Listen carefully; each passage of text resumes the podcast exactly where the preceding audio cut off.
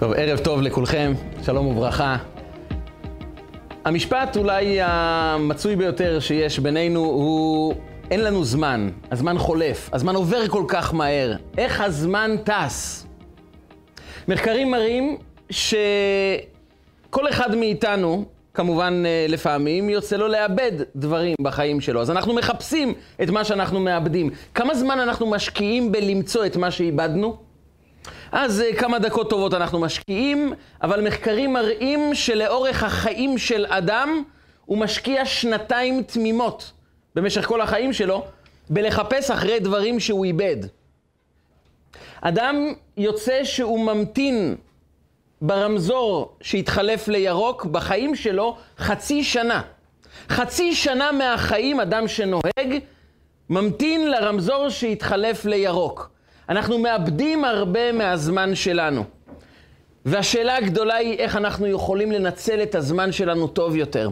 איך אנחנו יכולים להיות בסוף היום, להסתכל אחורה ולא לומר איך הזמן עף, מה כבר הספקתי היום. אין זמן לנשום, לא הספקתי לעשות את הפרויקטים שלי, את הדברים שכל כך חשובים לי בחיים. החיים טסים, אדם ביום הולדת שלו אומר איך חלפה שנה, עשור חלף, הוא אומר איך הזמן טס, ילדים מתחתנים, החיים עוברים, ואדם אומר לעצמו, יש איזה עצה, יש דרך לתפוס את הזמן, לנצל אותו כמו שצריך, שאני אהיה מרוצה ממה שעשיתי עם הזמן, ולא ירגיש שהזמן עף לי בחיים, ואני לא מצליח להשתלט עליו, לא מצליח לעשות את מה שאני באמת רוצה עם הזמן. מהו סודו של הרגע, סוד ניצול הזמן?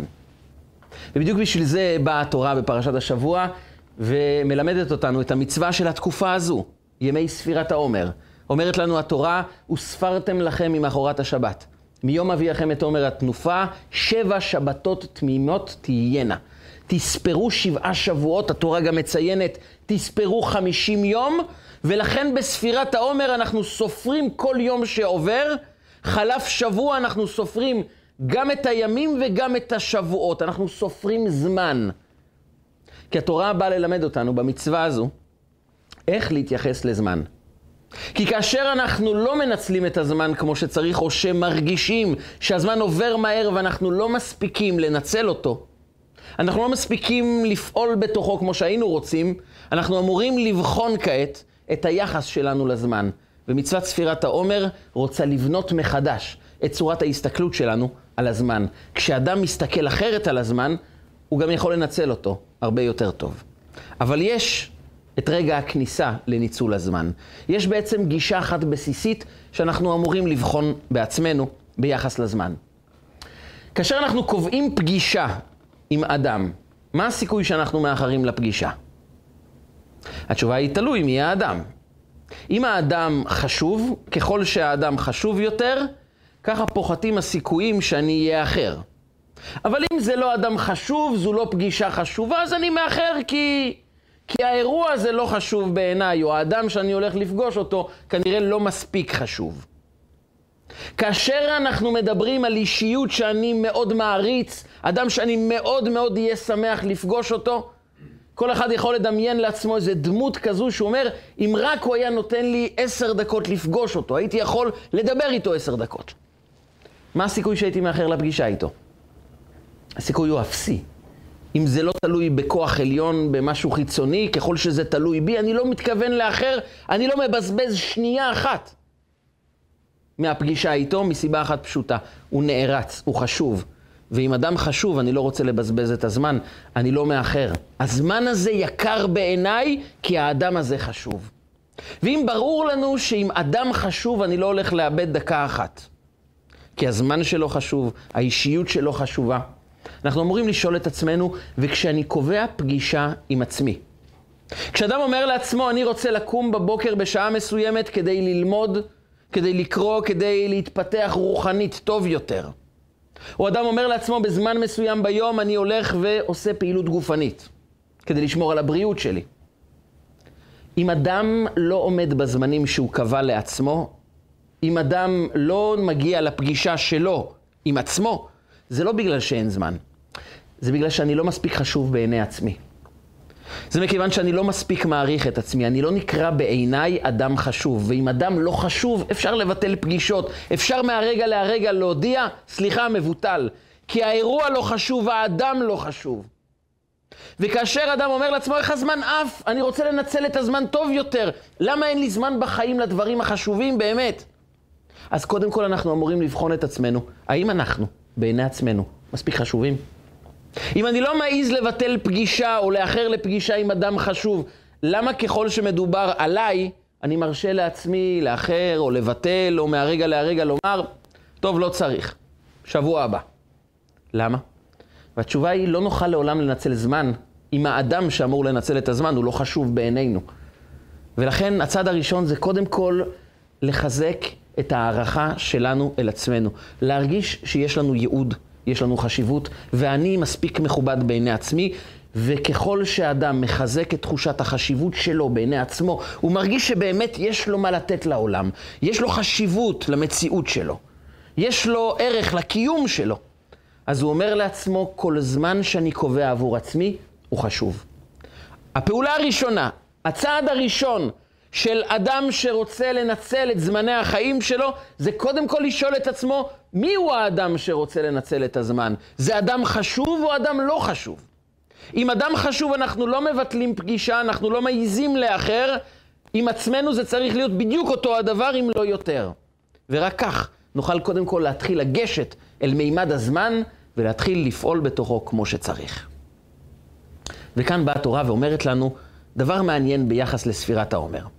וספרתם לכם, וספרתם לכם, זו פעולה שאתה נדרש לבצע, לספור את, ה... לספור את הימים, את השבועות, וזה הולך להיות כל יום בחודש שאליו נכנסנו, חודש אייר.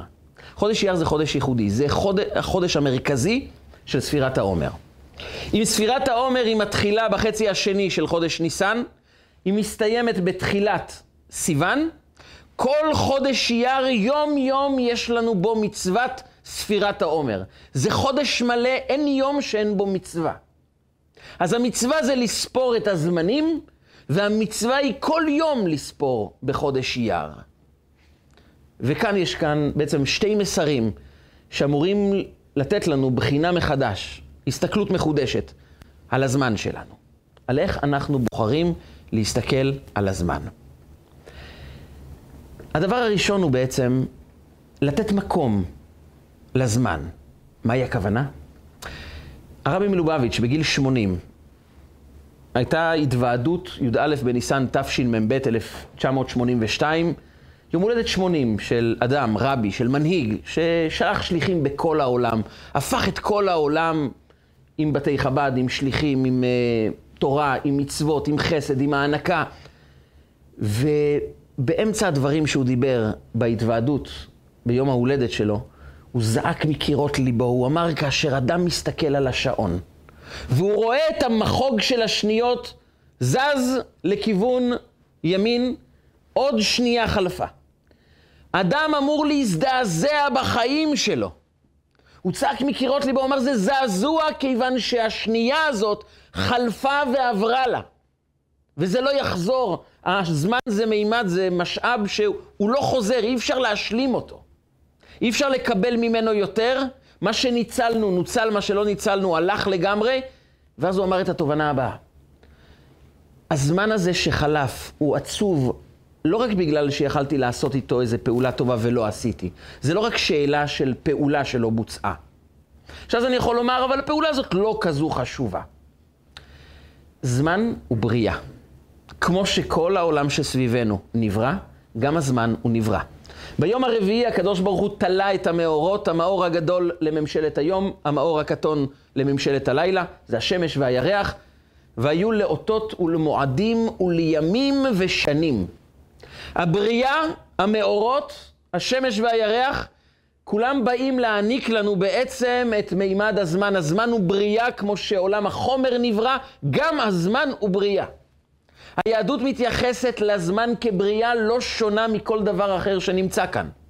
נדמיין לעצמנו אדם שמגיע ליער, רואה עץ ומחליט סתם, ללא תועלת, לשרוף את העץ. מה התגובה שנגיב לאותו אדם? אנחנו מן הסתם נפנה אליו ונגיד לו, בשביל מה להשחית את העץ? למה סתם הרסת אותו? שרפת אותו? סתם, למה לא? מה מפריע? לפני שאנחנו נשאל את עצמנו מה מפריע, מה ההיזק, מה הדברים הלא טובים שיצאו, אנחנו קודם כל נשאל את עצמנו, למה להשחית בריאה? אם אדם הורג בעל חי סתם, אנחנו נזדעזע, למה להרוג בעלי חיים? זו בריאה. כן, אבל מה הוא מועיל? מעבר לשאלה מה הוא מועיל, הוא בריאה. יש כנראה איזה תועלת, אבל בכלל בריאה, לא משחיתים אותה. אדם שיש לו כסף והוא לוקח ושורף 20 שקלים, ונשאל אותו למה, לא חבל. הוא אבל יש לי מספיק, זה לא מפריע לי. זה לא משנה אם זה מפריע לך או לא מפריע לך, אם יהיה חסר לך משהו או לא יהיה חסר לך. לא משחיתים כסף, לא משחיתים בריאה. איסור בל תשחית זה אומר שלכל בריאה יש ייעוד, יש תכלית, ולא שורפים אותה סתם כך. לא לוקחים בריאה ושורפים אותה, לא מבטלים מציאות של משהו שקיים. אם זה ברור לנו ביחס לכל הבריאה כולה, למה זה לא ברור לנו ביחס למימד הזמן? אדם לא מעז לשרוף 20 שקלים גם אם הוא מיליונר גדול, כי חבל על זה. אדם לא שורף ולא משחית סתם בגד, כי זה בריאה. אבל למה לשרוף את הזמן שלנו זה כן בסדר? למה אנחנו מתייחסים בשלוות נפש לעובדה שסתם 20 דקות חלפו להם בלי שעשינו משהו טוב בחיים? סתם שרפנו את הזמן.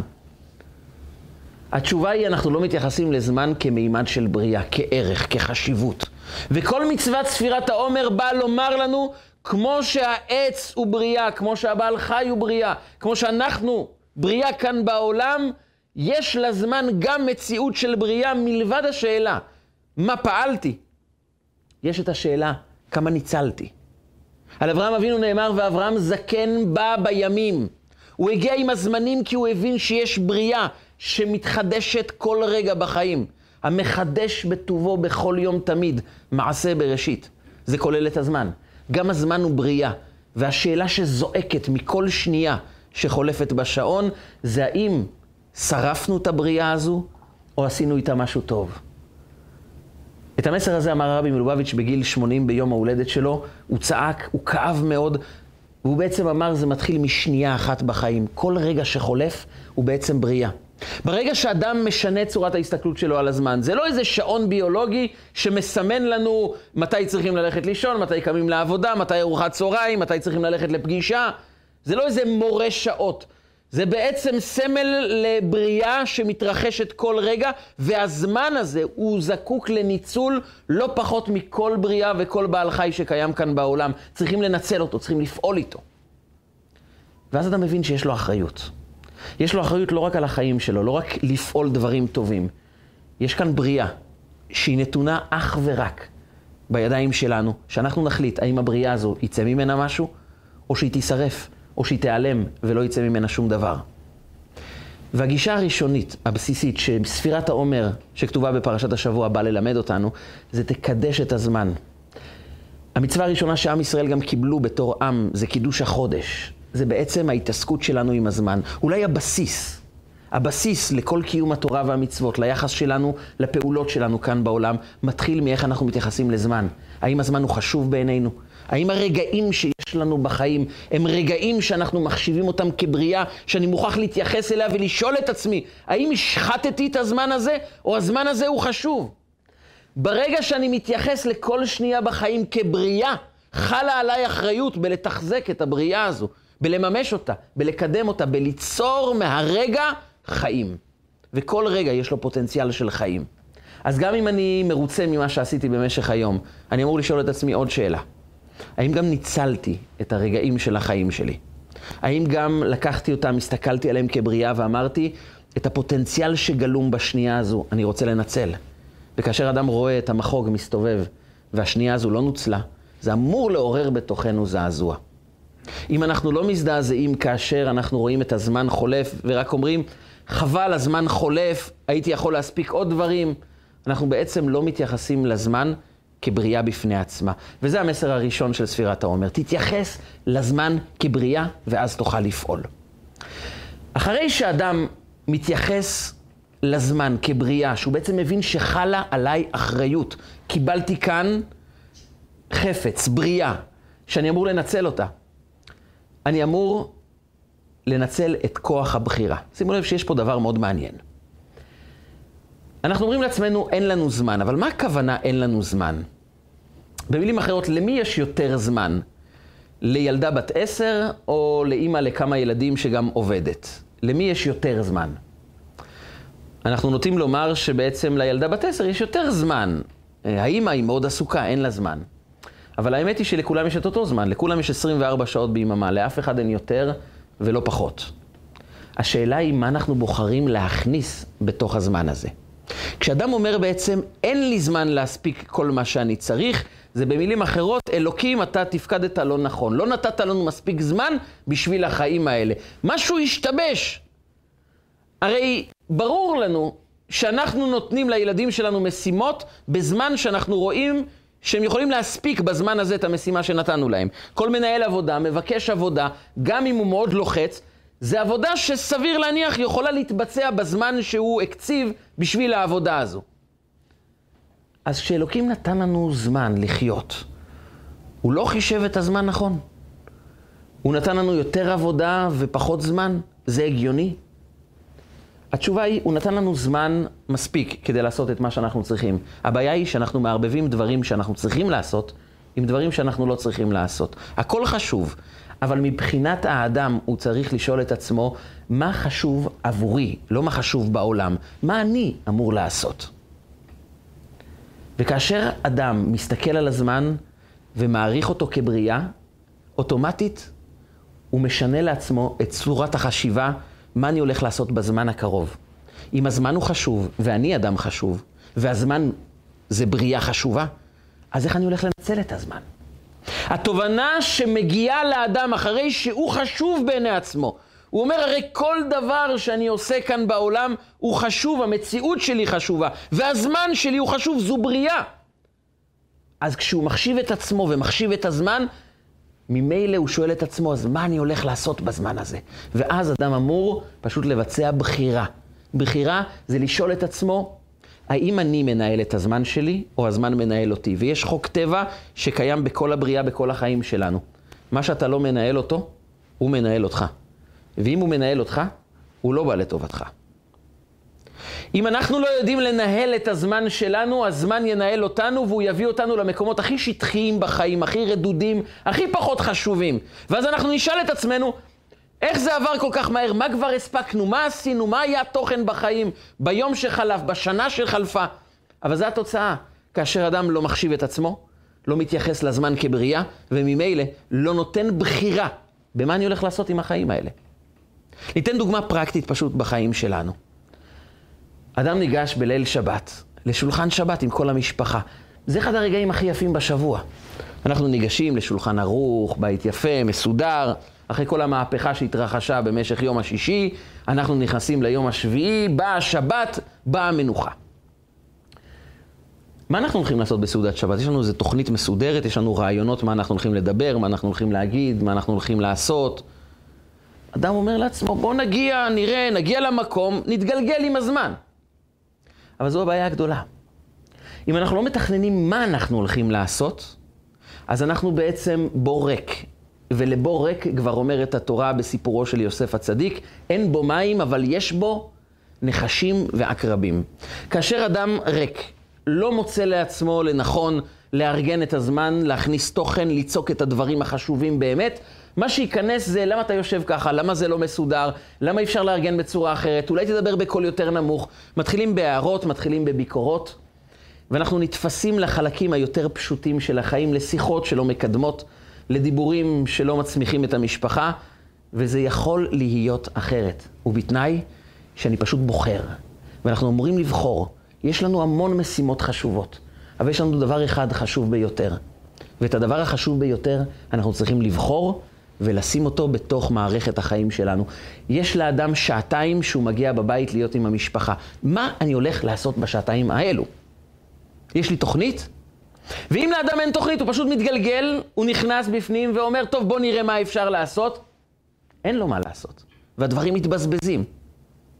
והמחקרים האלו שמלמדים אותנו שאדם במשך שנתיים מחפש את מה שהוא איבד, שאדם במשך החיים שלו נמצא חצי שנה בהמתנה רק לרמזור שיתחלף לירוק. אלו הם זמנים שנבנים מיחידות קטנות של זמן והן מצטברות למשהו גדול. ואז אדם נמצא 20 שנה מאוחר יותר ואמר, אומר לעצמו, לא מספיק הייתי עם הילדים, לא מספיק דיברתי איתם, לא מספיק ניצלתי את אה, חיי הזוגיות לדיבור, לשיתוף, לאחווה ביחד. ממה זה נובע? זה נובע מזה שקודם כל אין לנו תוכניות. אדם שמעריך את עצמו ומעריך את הזמן, בונה תוכנית לזמן שלו. הוא שואל את עצמו, אז מה אני אמור לעשות עם הזמן שלי? וההפתעה הגדולה היא, ככל שאדם יוצק יותר תוכן לחיים שלו, יש לו גם זמן מיותר לעוד דברים. כאשר לאדם אין תוכנית מה לעשות עם החיים שלו, לא רק שהוא לא מספיק את הדברים העיקריים בחיים, גם לדברים הפשוטים הוא לא מצליח לממש אותם, ליישם אותם. כי ככה זה. אם אדם יודע לשים את הדברים החשובים בחיים, הדברים הפחות חשובים גם יכולים להצטרף, אבל אם אדם עסוק רק בדברים השטחיים, הדברים הגדולים, הדברים החשובים לא נכנסים לחיים, ואז אדם מאבד במו ידיו, לאורך השנים, את החיים שלו בעצמו. היה פרופסור אחד שניסה להמחיש את זה לכיתה שלו. הוא נכנס לכיתה עם קופסה ריקה, ושם שם אבנים גדולות בתוך הקופסה, מילא את הקופסה עד הסוף.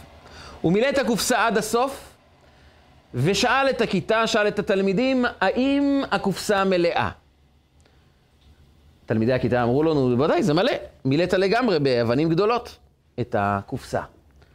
הוא אמר להם, לא בטוח, הוציא שקית חצץ ושפך בין החורים שבאבנים הגדולות, וזה התמלא עד הסוף. והוא שאל אותם, עכשיו זה מלא עד הסוף? אמרו לו, כן, עכשיו, עכשיו זה באמת מלא, זה מלא עד הסוף. אמר להם, לא בטוח, הוא הוציא שקית חול ושפך, והחול נזל בין החורים שבין האבנים, וזה הגיע עד הסוף. הוא אמר להם, עכשיו זה מלא? אמרו לו, עכשיו זה באמת מלא. הוא אמר להם, לא בטוח. הוציא בקבוק מים ושפך לתוך הקופסה, והמים חלחלו בפנים ומילאו את הקופסה עד הסוף. והוא אמר להם, אני רוצה לשאול אתכם שאלה אחת. תחשבו רגע, אם הייתי עושה הפוך את הדברים, הייתי שם קודם כל את המים, ובתוך המים את החול, ועל החול את החצץ. כמה אבנים גדולות הייתי יכול להכניס לתוך הקופסה? כנראה שכבר לא הרבה, אם בכלל.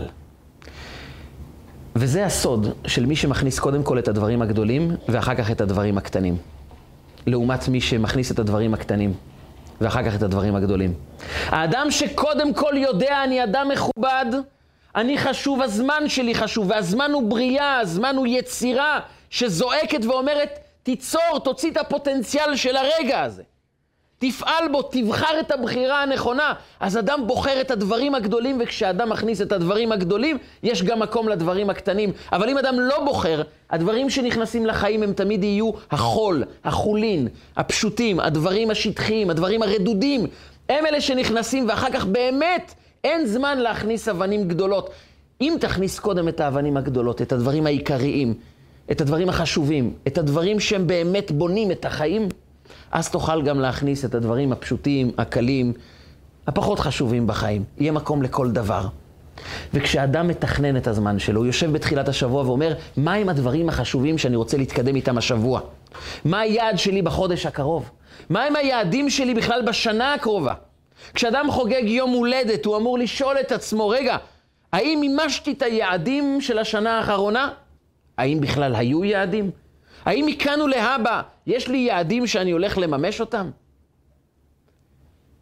וכאן מגיע כוח הבחירה. כוח הבחירה זה היכולת לומר הרבה דברים חשובים. המון אנשים רוצים ממני הרבה דברים, אבל אני לא יכול הכל, אני צריך לבחור מהם הדברים החשובים. וכאשר אני בוחר את הדברים החשובים, אני מנצל את הזמן. ואז יכול להיות שיהיה זמן למישהו אחר, וגם אם לא, אני מחויב להכניס את הדברים הגדולים לחיים. אני לא מחויב למה שאני לא יכול להכניס. הבלאגן בחיים שלנו נוצר מזה שאנחנו מכניסים הכל. גם הדברים הגדולים, גם הפחות חשובים. שומעים כל טלפון, מקבלים כל שיחה, עונים לכל הודעה, אבל לא כל ההודעות חשובות, לא כל השיחות הן חשובות, לא כל דבר מקדם אותך. אם אתה זמין 24 שעות לכל העולם, אתה זמין להמון המון דברים שהם פחות חשובים בחיים שלך, על חשבון הדברים החשובים. ואז אדם שואל את עצמו, רגע, איך היה הזוגיות שלי, איך התקשורת עם הילדים, איך ההתפתחות האישית שלי, ואין זמן. כי אם אין לנו תכנון מדוקדק, בשעה הזו אני לומד, וכאשר אני לומד, אין טלפונים ואין הודעות ואין כניסה מהצד של כל מיני נחשים ועקרבים בסמל של דברים פחות חשובים בחיים. לא שבאמת זה נחשים ועקרבים, זה דברים חשובים, אבל הם לא חשובים עבורי כעת. ורק אם אני יודע לסנן, אני יודע לבחור, אני יודע לומר, זה מה שאני עושה כעת, ואני מפנה את כל שאר הדברים, כי זה לא מה שנדרש ממני. מה שנדרש ממני זה הדברים הגדולים, את זה אני עושה. ואחר כך נראה אם יש עוד זמן. אז אדם מתחיל לבחור, על זה נאמר, וספרתם לכם. ספרתם לכם אומרת החסידות, זה מלשון אבן ספיר, אבן מאירה. תאירו את היום שלכם, תאירו את הזמן שלכם, קודם כל תספרו אותו. אנחנו לא סופרים מצוות, אין מצווה תספור מצוות שעשית. תספור דיבורים טובים שדיברת, תספור את, ה, תספור את המחשבות שלך. יש מצווה לספור זמנים. וספרתם לכם ימים ושבועות, כשאדם סופר אותם, הוא מעריך אותם, והוא רוצה להעיר איתם. ולהעיר זה בעצם לשאול מה הדבר הכי חשוב, הכי טוב, הכי מועיל, שאני אמור לעשות בשעה הקרובה. וכשלאדם אין תוכנית, יש לכל העולם תוכניות עבורך, והתוכניות שלהם עבורך הם לא בשבילך, הם בשבילהם, בשבילם. ואז אדם נמצא שהוא כל הזמן מרוקן, הוא כל הזמן נותן לכל העולם, אבל כן, אם אדם לא מכבד את עצמו, אף אחד לא יכבד אותו. כשאנחנו שואלים את עצמנו, רגע, מכבדים אותי? למה אני לא מספיק מכובד? אנחנו אמורים לשאול את עצמנו בחוויה האישית שלנו, רגע, ואני בעיני עצמי מכבד את עצמי? אני מכבד את הזמן שלי? אני מכבד את הפגישות שלי עם עצמי? אני מכבד את הזמנים שאלוקים נתן לי בחיים, הוא נתן לי שנייה, דקה, שעה. אני מכבד את זה. כל עוד שלא נהיה מכובדים בעיני עצמנו ולא נכבד את הזמן שלנו, אף אחד בעולם לא יכבד את הזמן שלנו, כי מסתכלים עלינו, רואים, הוא לא מכבד את הזמן שלו. אני מנצל את הזמן שלו לטובתי. ולכן התוכנית שלנו, לזמן שלנו, היא מאוד חשובה, כי בזה אנחנו מבטאים את התובנה הבאה. מה שחשוב זה תפקידי. מה שפחות חשוב, לא מבקשים ממני. היה סיפור שאולי יכול להמחיש את זה. אצל אחד מרבני חב"ד, בשנות החמישים, זה היה תקופת הצנע, תקופה שהיו, היה חסר מזון. אנשים לא היה להם אה, מספיק אוכל בבתים, היו צריכים לקחת אוכל בתלושים, והייתה עניות. בבתים, ויום אחד, ערב אחד, נכנסים אליו תלמידי הישיבה, איזו קבוצה של עשרה בחורי ישיבה, נכנסים אליו, הוא היה מורה, רב מאוד גדול בישיבה, מאוד היה אהוב, מאוד נערץ, ונכנסו אליו בערב וביקשו ממנו לקבל עוד איזה שיעור, עוד איזה התחזקות, עוד איזה מסרים מעצימים לחיים, חסידות, תורה, תפילה. והוא קיבל אותם בשמחה, הושיב אותם מסביב לשולחן, התחיל לדבר איתם, אבל אשתו במטבח התחילה להילחץ. מה אני אגיש להם לאכול? אין לי כמעט כלום בבית. אני לא יכולה להשאיר אותם מול שולחן ריק, למרות שהם לא ציפו בכלל, אבל היא הרגישה לא נעים לא לתת להם משהו לאכול. התחילה לפתוח ארונות, מצאה שתי ביצים, מצאה אולי קצת קמח, אמרה, טוב, מה אני אעשה? אולי איזה חביתה. דווקא אצל השכנים אולי יש להם משהו לתת להם. נכנסה ללחץ ובעלה קולט שהיא נלחצת שמה.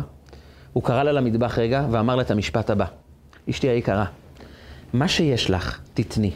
מה שאין לך, אף אחד לא מבקש ממך. לעולם אל תנסי לתת את מה שאין לך. לא מבקשים ממך. את לא מחויבת לתת את מה שאין לך.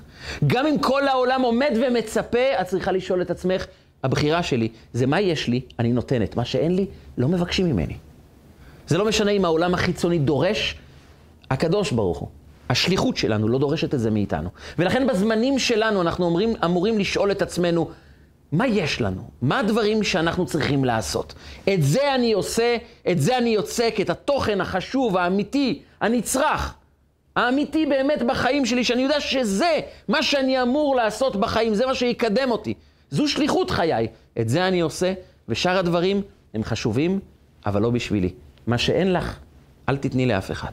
לא מבקשים ממך. אנחנו לא יכולים לתת מה שאין לנו.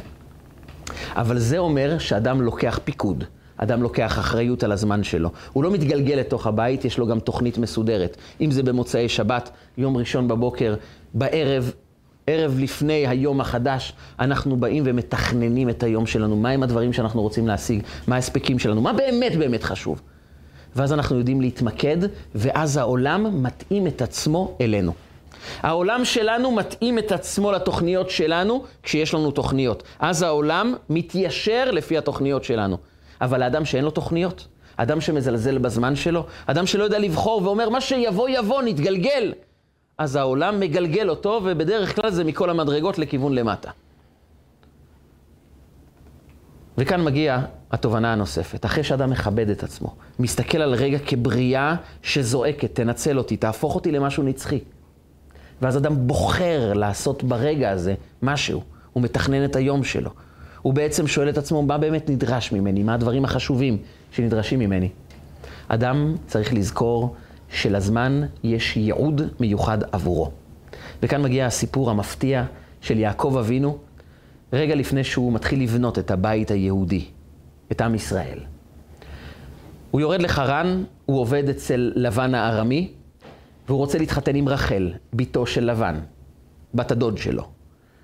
ולבן אומר לו, טוב, אתה יודע שאתה צריך לעבוד בשביל לקבל אותה. הוא אומר לו, אעבודך שבע שנים, אני אעבוד שבע שנים ברחל בתך הקטנה. אני מוכן לעבוד שבע שנים, שבע שנות עבודה, כדי לקבל אותה לאישה. ואם אנחנו נשאל את עצמנו, שבע שנים הוא עובד כדי לקבל את האישה שהוא כל כך אוהב, את רחל. זה עבר מהר או זה עבר לאט? שבע שנים? מן הסתם זה עבר ממש כמו נצח. והתורה אומרת לנו בדיוק את ההפך. ויהיו בעיניו כימים אחדים מאהבתו אותה. הוא כל כך היה קשור אליה שהשבע שנים עברו כמו ימים אחדים. כל המפרשים תמהים, מוזר מאוד, כשאדם מצפה למשהו בכל ליבו, כל שעה זה נראה לו נצח. שנה, שבע שנים. איך זה עבר כימים אחדים? בדיוק ההפך. הרי אם הוא מצפה כל כך להתחתן עם רחל, שבע שנים זה אמור להיות נצח. אז איך התורה אומרת שזה עבר בעיניו כימים אחדים?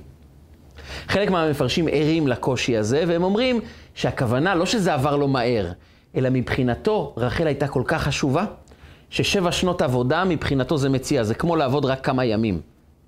הערך שלה הוא כל כך גבוה ששבע שנות עבודה, הוא יצא מורווח מהעסקה הזאת, זה בעיניו לעבוד כמה ימים. אבל מה שנקרא בפשוטו של מקרא, המסר הפשוט של הפסוק, ויהיו בעיניו כימים אחדים מאהבתו אותה, מה מסתתר כאן? יש מפרשים שמסבירים שבעצם יעקב אהב את רחל במובן היותר עמוק של המילה. זה לא סתם סיפור על מישהו שרצה להתחתן ולבנות את ביתו. התורה זה הוראה, זה מסר. הוא אהב את השליחות המשותפת של שניהם. הוא ראה בחתונה שלו איתה את הקמת העם היהודי. הוא התייחס לזה כל כך בחשיבות לחתונה, שזה לא סתם חתן מתחתן עם הכלה, מקימים בית, מזל טוב, שמחה. נוצר פה עם. נבנה, נבנית כאן משפחה שהולכת להקים את העם היהודי. זה החתונה שאיתה אני הולך לייסד את העם היהודי. והוא הבין שעם רחל הוא הולך לבצע את המשימה הזאת, את השליחות הזו, בצורה הטובה ביותר. אבל הוא הבין עוד דבר. כשיש לי שבע שנות עבודה כמרחק ביני לבין השליחות, אני מבין ששבע שנות העבודה זה הזמנים שיכשירו אותי להיות האדם שיוכל לבצע את השליחות הזו כמו שצריך. אלו הם זמנים של בניין, ולא סתם הוא ביקש שבע שנים, כי שבע שנים זה כמו השבעה שבועות שאנחנו סופרים בספירת העומר כדי להתכונן לרגע החתונה, מתן תורה. ביום חתונתו זה מתן תורה. ההכנה היא שבעה שבועות או שבע שנים אצל יעקב, כי יש בתוכנו, כך מובא בקבלה, שבע מידות, חסד, גבורה, תפארת, נצח, הוד, יסוד, מלכות, ואדם צריך לתקן כל מידה ומידה כדי שהוא יהיה שלם, יהיה טהור, יהיה קדוש, והוא יוכל להתחבר עם רחל בצורה רוחנית, מושלמת כל כך שהוא יוכל להקים איתה את העם היהודי. ולכן, כמו שיעקב ספר שבע שנים, אנחנו סופרים שבעה שבועות כדי להכין את עצמנו, וזה הסוד הגדול של ויהיו בעיניו כימים אחדים. כשאדם מבין שיש לו שליחות כעת, כשאדם מבין בעצם שהוא נמצא בייעוד משמעותי עבור החיים שלו, זה עובר מהר. כל אדם יכול לשים לב שכשהוא עושה משהו שהוא מאוד נהנה ממנו, שמאוד משמעותי עבור החיים שלו, זה עובר מהר מאוד. כשיש לנו מפגש משפחתי מאוד מהנה, שהרבה זמן כבר לא נפגשנו, ואנחנו כולנו ביחד מדברים ואוכלים וצוחקים ויושבים ומדברים ומשתפים בחוויות ומתחברים וקשורים יחד, ואז אומרים לעצמנו, איך עברו השעות כל כך מהר? איך זה יסתיים? יש לנו שבת משפחתית מאוד שמחה, היא עוברת מהר. לאדם בודד, שבת זה נצח. למה? כי כאשר יש לנו ייעוד, יש לנו משמעות, הזמן עובר מהר. אדם יכול להיות בתוך שיעור שמאוד משמעותי עבורו, ובסיום השיעור, אחרי שעה הוא אומר, זה עבר לי כמו שתי דקות. למה? כי זה היה משמעותי עבורו. ולכן יעקב אבינו, אומרת התורה, והיו בעיניו כימים אחדים, כי הוא ראה משמעות בכל שנה של עבודה, בכל רגע של העבודה. הוא אמר, אני עכשיו בונה את עצמי, אני עכשיו יוצר מעצמי משהו טוב יותר. וכשאדם שקוע בייעוד, בעבודה, בעשייה, הוא מבין שזה משמעותי עבורו, הוא לא מנסה להרוג את הזמן. הוא בונה את עצמו טוב יותר, הוא מאיר את הזמן. וספרתם לכם, אומרת החסידות, אבן ספיר, תהפוך את זה ליהלום, תהפוך את זה לאבן מהירה. הזמנים האלו לא באים לעכב אותך. הם לא באים להרחיק אותך מהמטרה, הם באים להכשיר אותך, לבנות אותך, לקרב אותך למטרה.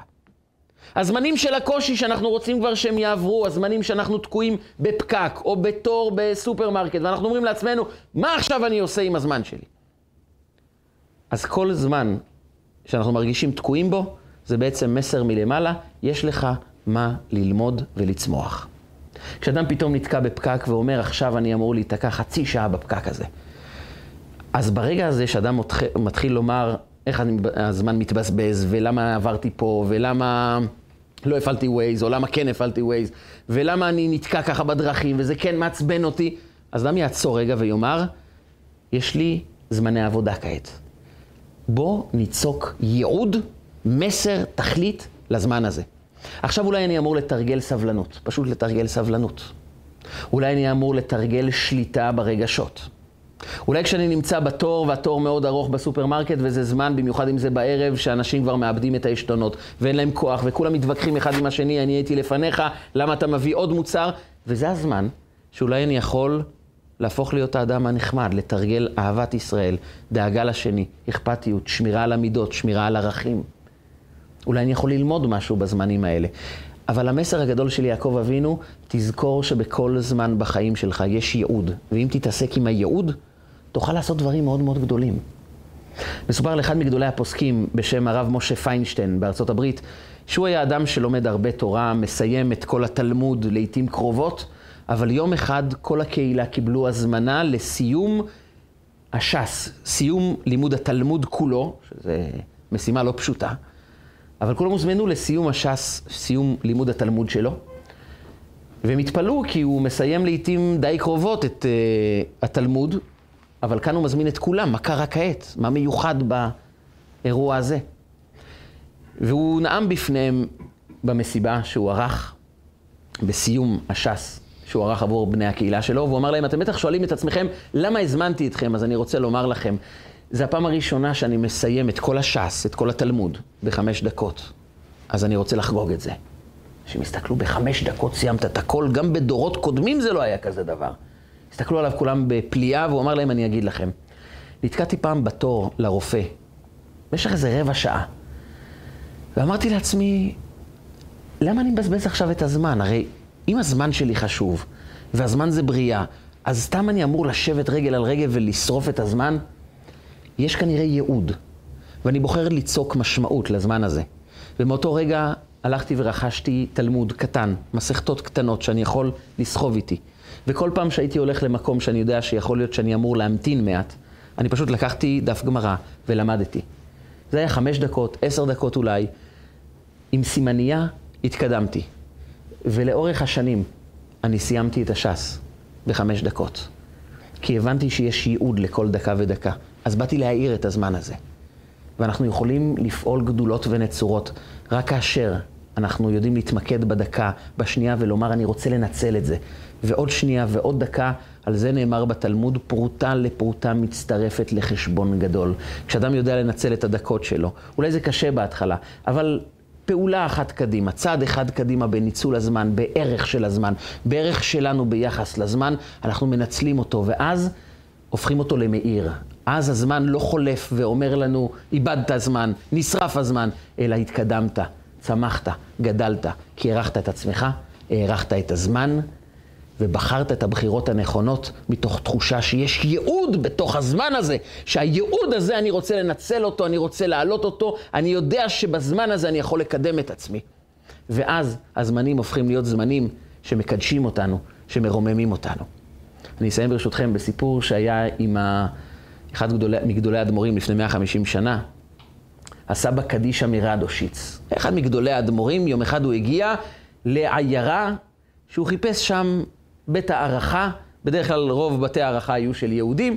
הוא נכנס, בית של יהודי, הוא אומר, אפשר להתארח? אומר לו, בסדר גמור. הוא אומר לו, אני צריך חדר שקט. אם יש לך חדר שקט עבורי, אני רוצה ללמוד ולנוח. אומר לו, אני אתן לך את החדר הפרטי שלי. הוא נכנס לחדר, ואחרי כמה דקות, בעל הבית, שכבר תפס לעצמו חדר אחר, שומע ריקודים בתוך החדר. אומר, לא הבנתי, הוא רוצה ללמוד, או רוצה לישון, או רוצה לרקוד. הוא שומע ריקודים ושמחה כזאת מאוד מאוד גדולה. הוא דופק בעדינות על הדלת ונכנס ואומר, רבי, למה אתם רוקדים? מה כל כך משמח? הוא אומר, אני רוצה שתגיד לי, השעון הזה, מאיפה יש לך אותו? אומר, אני לא יודע, פעם הגיע איזה עני, איזה הלך עני, שלא היה לו איך לשלם על האוכל והלינה שלו כאן, אז הוא אמר לי, תבחר משהו מהמוצרים שיש לי כאן, מהחפצים שיש לי, תבחר משהו בשבילך. היה לו כל מיני בגדים והיה לו גם שעון, אמרתי, טוב, בוא ניקח שעון, נתקין אותו אצלי בחדר. אבל למה זה קשור לריקודים שלך? הוא אומר, אתה יודע של מי השעון הזה? השעון הזה היה שייך לחוזה מלובלין. כנראה זה אחד מהבנים שלו שהסתובב ולא היה לו איך לשלם לך, אז הוא שילם לך עם השעון שלו. אבל רבי, אז למה השעון של החוזה מלובלין מרקיד אותך? זה לא הבנתי. הוא אומר, אני אגיד לך. אתה יודע מה הניגון הכי עצוב בעולם? מה הניגון הכי עצוב שיש בעולם? אני אגיד לך. הניגון הכי עצוב זה הטקטוק של השעון, שהזמן אוזל. כל שנייה אומרת, נשרף עוד רגע בחיים, אנחנו לכיוון הסוף. אי אפשר להחזיר את זה, זה לא יחזור לעולם. וזה ניגון עצוב. אתה יודע איזה ניגון עצוב יש לשעון הזה כשהמחוג מתקתק ואומר, עוד רגע איבדת, עוד רגע איבדת. יותר לכיוון הסוף, אתה יודע שאי אפשר להחזיר את זה. זה ניגון עצוב. היום אגב פתרו את הבעיה הזו, יש מחוגים בלי רעש. זה מסתובב בלי רעש, ככה שלא יהיו עצובים אנשים. אבל הוא אומר לו, זה הניגון העצוב ביותר. אבל השעון הזה הוא שונה. השעון הזה לא אומר לי כמה זמן איבדתי בחיים. השעון הזה מבשר לי שאני קרוב בעוד שנייה, בעוד דקה, לגאולה השלמה, לביאת משיח, לאור הגדול. כי זה שעון של אדם שניצל את הזמן, שידע שהזמן נועד כדי להעיר אותו, לפעול איתו, לצמוח איתו.